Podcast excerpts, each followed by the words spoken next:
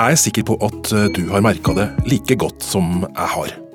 E-postboksene og skjermene våre flommer for tida over av personvernerklæringer og brukeravtaler vi blir bedt om å klikke godkjenn på. Grunnen til denne tsunamien av e-post og pop-opp-vindu er de nye personvernlovene som trer i kraft i løpet av fellesferien. Selskapene må i framtida ha vårt informerte og aktive samtykke for å ha glede av personopplysningene våre. Men hvor informert er vi egentlig? Leser vi alle e-postene? Og hvor god er vi til å sette oss inn i hva vi trykker 'godkjenn' på? Velkommen til Kurer. I studio sitter Lars-Erik Ertsgaard Ringen.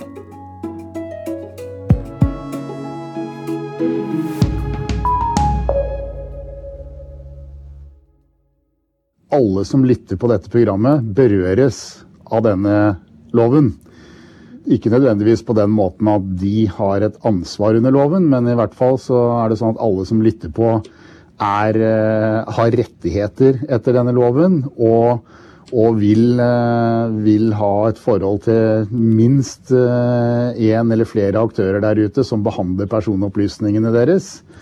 Og så vil jeg si at de aller fleste som lytter her, jobber i en virksomhet som vil være underlagt denne loven. Altså Det skal ikke mer til enn at du har ansatte eh, med personopplysninger om de ansatte, som enhver virksomhet har, eller at du har kunder i det hele tatt eh, med opplysninger om dem, så lenge det er enkeltpersoner. Så I praksis kan vi si at dette gjelder for alle, og så gjelder det selvfølgelig mer for noen enn for andre. Men det er, eh, dette er en veldig generell lovgivning.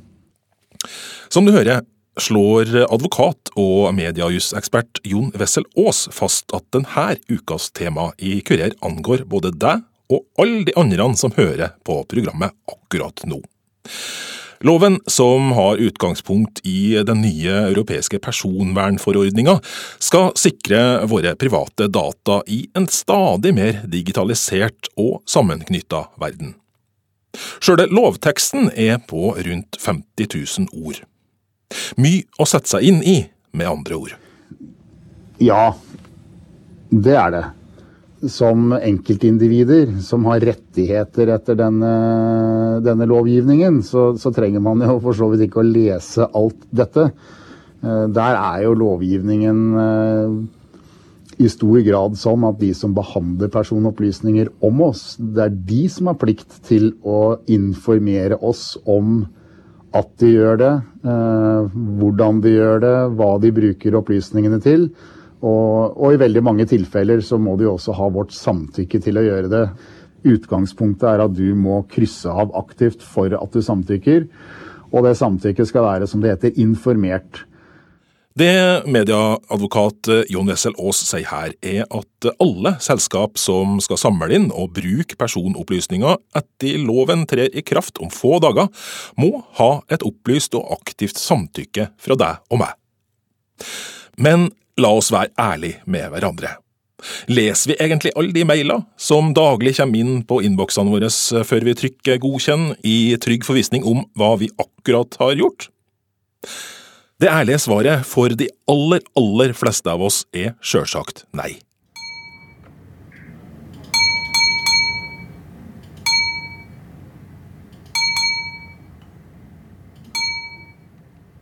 Ja, Mitt navn er Frode Volden.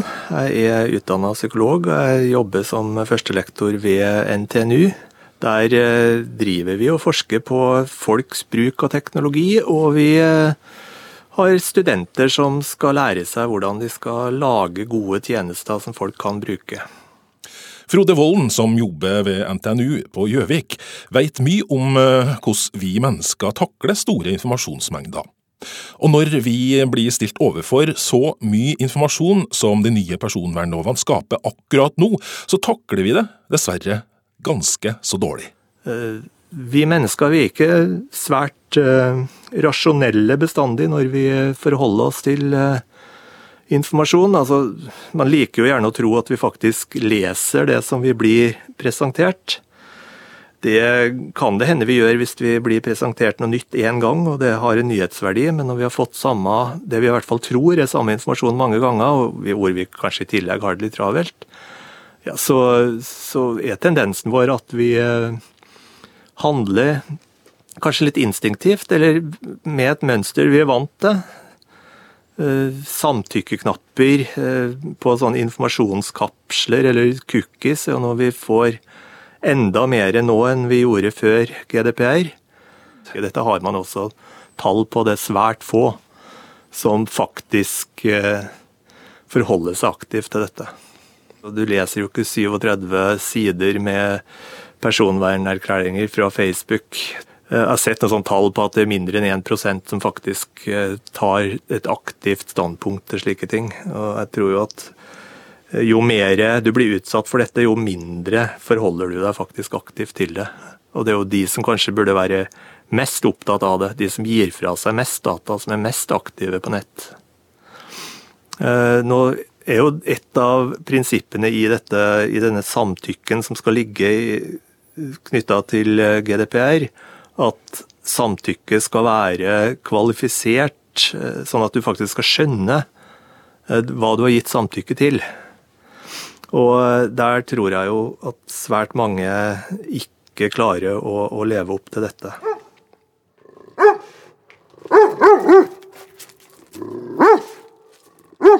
Rundt år 1900 bestemte den russiske forskeren Ivan Pavlov seg for å forske på hunders spyttproduksjon. Men det han snubla over, var imidlertid noe helt annet, og kanskje mer interessant enn spyttproduksjon til hunder. Han oppdaga nemlig at uh, hundene begynte å sikle bare de uh, hørte lyden av mat. Og han forsto ganske fort at han kunne manipulere dem til å gjøre ting ved å etablere instinktive reflekser knytta til positiv stimuli som mat.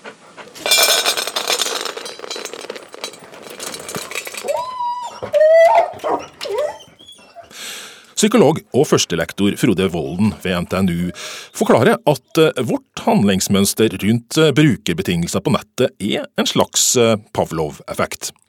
Vi klikker instinktivt godkjenn fordi vi vet av erfaring at det gir oss en positiv belønning i form av tilgang til flotte tjenester. Dette har vi automatisert så til de grader at uh, i de aller fleste tilfeller så klarer vi ikke å stoppe det, altså stoppe den aksepthandlinga om vi vil engang. Altså, dette, dette skjer så automatisk at vi, uh, at vi faktisk må, må instruere oss selv for ikke å følge responsen til å akseptere. Ja, Har det nesten utvikla seg til å bli en sånn Pavlov-effekt? Ja, det er jo det. Det, det, det er et så vidt uh, overtrent eh, fenomen. Det er et handlingsmønster som vi blir så flinke til at det ikke, at det ikke krever si, noe, noe, av oss mentalt. At det, det, er totalt automatisert. Og da er det også faktisk eh, direkte vanskelig å stoppe altså den typen automatiserte handlinger. Og våre felles begrensninger stopper dessverre ikke der. Når det gjelder da, vår evne til å ta inn informasjon, så, så er jo det framfor alt prega av at vi eh, altså at, at, vi har jo en del begrensninger. Altså vi kan f.eks. stort sett bare være oppmerksom på, på én ting om gangen. Og Det kan jo også være et forhold her da, at når du får de her, eh, denne type samtykkesituasjoner, så, så har du egentlig oppmerksomheten din et annet sted. Og skal man gjøre flere ting samtidig, f.eks., så må vi switche mellom disse forskjellige uh, informasjonskildene. Sånn at eh, hvis du nå for eksempel, altså Når du får denne, disse samtykkesituasjonene på nettet, så er det ofte i situasjoner hvor du, du, har et mål. altså Du har gjort et søk, du har fulgt en link, du har uh, forsøkt deg på et eller annet. Uh, altså Du skal oppnå et eller annet. Og Da er fokuset ditt der, ikke på den samtykkesituasjonen. Og da handler vi automatisk i, forhold til de der samtykkene. Så, så ja, vi, vi har uh, visse begrensninger. Vi, vi er flinke til å gjenkjenne ting, vi er dårlige til å huske ting, og, og vi er dårlige til å ha oppmerksomheten vår på flere ting samtidig. Men hva betyr egentlig alt det her i forhold til den nye personvernlovgivninga, som altså krever at alle dem som behandler eller lagrer opplysninger, skal ha et aktivt og informert samtykke fra oss til å gjøre det? Hva skjer når vi trykker godkjenn uten å ha lest teksten først? Er samtykket da gyldig? Advokat Jon Wessel Aas gir oss et tydelig svar på det spørsmålet. lovgivningen ikke Den krever jo såpass mye av oss at den beskytter oss ikke mot at vi ikke gidder å lese eh, informasjonen. Selv om, eh, selv om eh, psykologen dere har snakket med sikkert kan bekrefte at veldig mange ikke gidder å lese den informasjonen de får engang. De bare klikker 'aksepter' fordi de, de vil videre nedover løypa. Det kan du si, det beskytter jo ikke lovgivningen mot. Altså, det er fortsatt lov å det er fortsatt lov å være skjødesløs med, med sine egne rettigheter. Men, eh, men, det skal bare, det skal bare de, som, de, som, de som, innhenter samtykke fra oss, de skal i hvert fall ha gitt oss muligheten til eh, en rimelig mulighet til å forstå hva det er vi samtykker til. Førstelektor Frode Volden ved NTNU på Gjøvik eh, tenker at det kanskje er litt naivt å bygge en lov på et informert samtykke forskninga viser få av oss innfrir. Det er ikke bare naivt, altså jeg tror at man vet om det også. Vi vet at, dette, at folk er veldig dårlige til å forholde seg til dette. Seniorrådgiver Katarina Nes hos Datatilsynet innser også at psykologien representerer en utfordring for de nye personvernlovene. Jeg tenker jo Psykologen er jo inne på noe som er viktig, og som er en utfordring med samtykke. Det er jo det at vi eh, som eh, mennesker er mindre rasjonelle enn det vi liker å tro. Da. Vi eh, ønsker Vi velger status quo-løsninger, og vi eh, vil gjerne ha fort, raskest mulig tilgang til en tjeneste. Hvis jeg går inn i nettbutikken, så er det viktigst for meg å få kjøpt den varen jeg er på jakt etter. Og da å lese gjennom lange vilkår, det, det, liksom, det blir fort gjort, da. At man godtar alt for å få gjennomført det man kom dit for. Så det er klart det er en utfordring eh, med dette med samtykke. At vi må sette av tid til å lese det, og til å ta et eh, aktivt valg. Og det er ikke alltid at eh, vi føler at vi har tid til det, da, en hektisk hverdag. Og ofte er det også sånn at vi, vi stoler og har tillit til disse tjenestene, og regner med at er, de behandler data på en, på en god måte.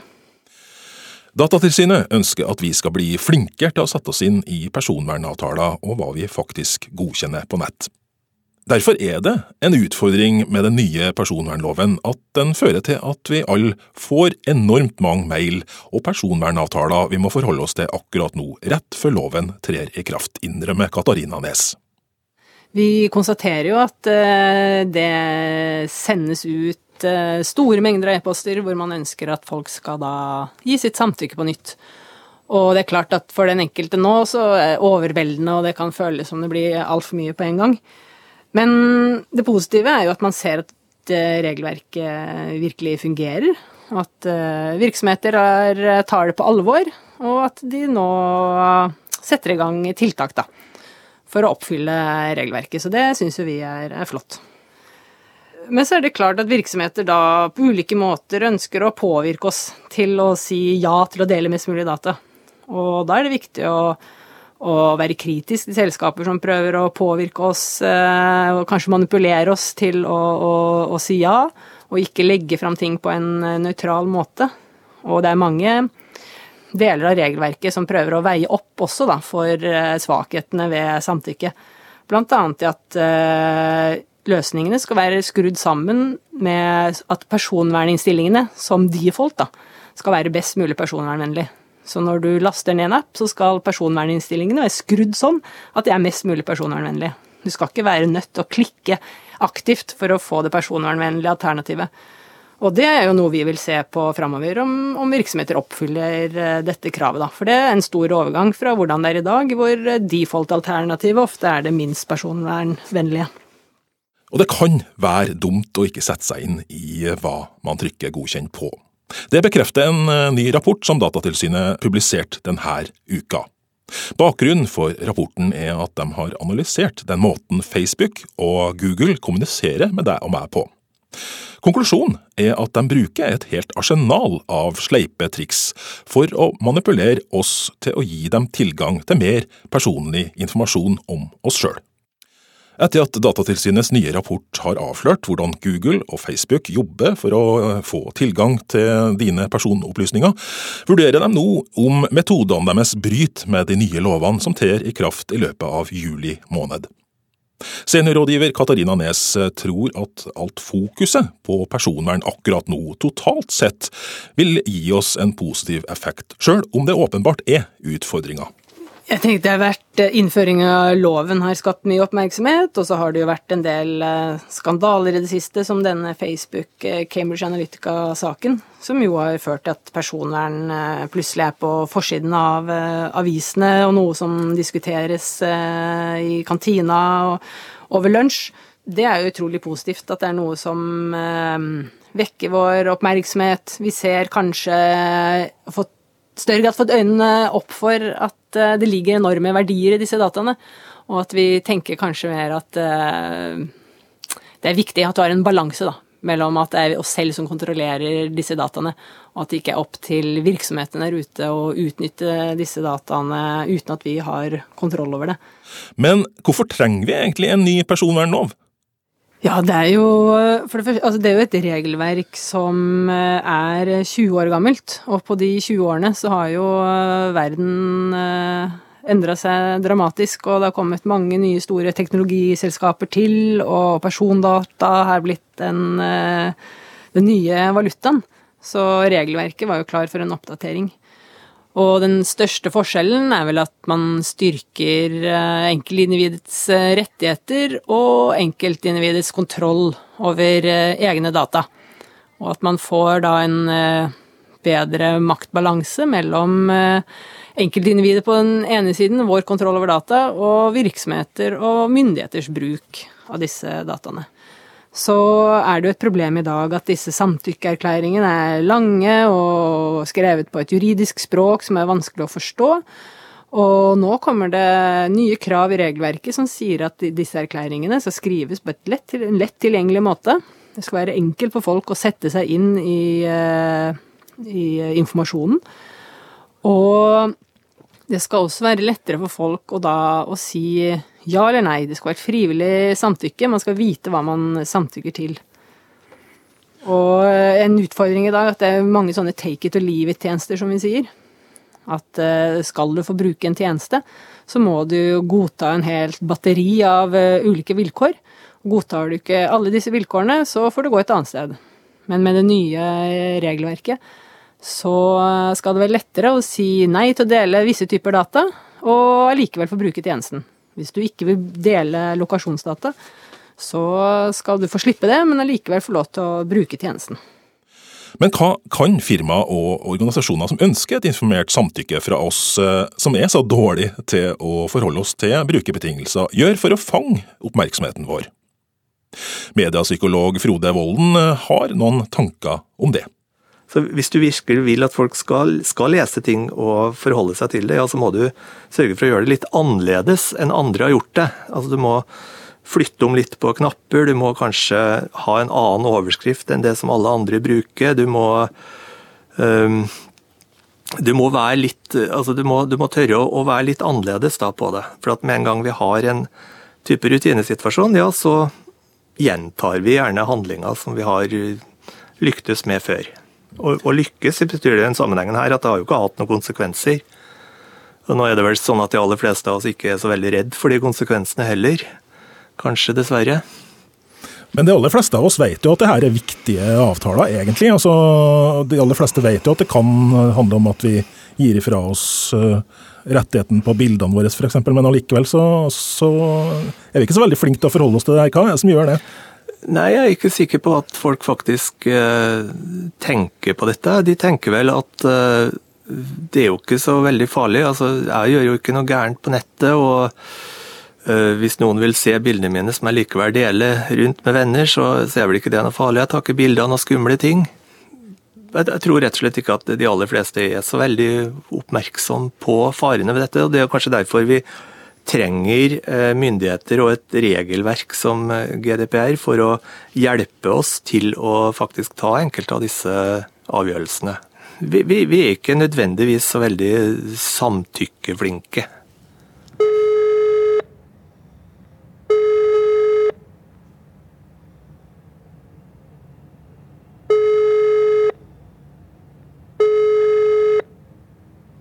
Velkommen til Datatilsynet. Tast 1 for veiledning. dersom det var spørsmål om melding, konsesjon, informasjonssikkerhet eller annen bruk av personopplysninger. Du kan få veiledning både om Det er bare noen dager igjen til den nye personvernloven trer i kraft her i Norge.